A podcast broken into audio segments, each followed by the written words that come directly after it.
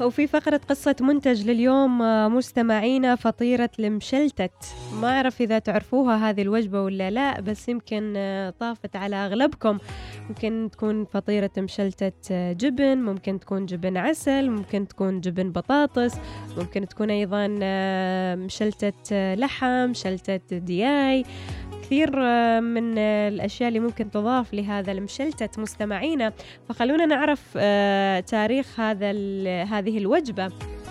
الفطيرة المشلتت أو الملتوت. طبعا آه، عن أصل هذه الوجبة مستمعينا يقال يعود تاريخها إلى القدماء المصريين حيث كانوا يقدمون هذا النوع من الفطيرة كقربان للإلهة. ووضعوه مع المتوفين في المقابر اعتقادا منهم في البعث والخلود. وقد عثر على نقش في مقبرة آه، رخمير وزير من عصر الملوك تحتمس الثالث وأمن حتب الثاني طريقة الملتوت أو المشلتت المحلاة بالعسل والسمن تبدو قريبة من الفطير المشلتت الحديث.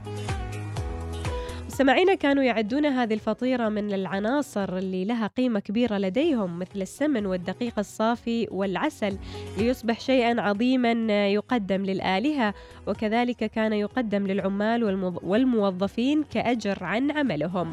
وسمي بالملتوت أو المطبق لأنه مكون من طبقات فوق بعضها البعض ثم تحولت هذه الكلمة بعد ذلك وأصبحت مشلتت. وتوارثها أو توارثوا هذه الأكلة أجيالا بعد أجيال حتى أصبحت أشهر الأكلات اللي تتميز بها مصر. في عصور أخرى أيضا مستمعين من تاريخ مصر مثل العصر الفاطمي وأيضا المملوكي اللي كان حافلا بأنواع كثيرة من الحلويات المصرية بدأت تظهر الوجبات والعادات الباقية إلى يومنا هذا ونظرا لحركة التجارة ومرورا آه ومرور جنسيات مختلفة على مصر انتقل الفطيرة والملتوت إلى أوروبا وأصبح اسمه شلتوت. ثم أصبح اسمه مشلشت وظهر نوع آه، من الفطير يسمى الفطيرة الهلالية واستوحت فرنسا فكرة الكرواسون من الفطير المشلتت المكون من عدة طبقات ولكنه يعد بطريقة أقل دسما. وانتشر طبعا في الريف وفي الصعيد المصري بالرغم من الفطير المشلتت ذو سعرات حرارية عالية إلا أن الريفيين والصعايدة يأكل يأكلون باستمرار إلى جانب العسل والجبن والقشدة ويستطيعون حرق سعراته بسبب ما يقومون به من مجهود كبير.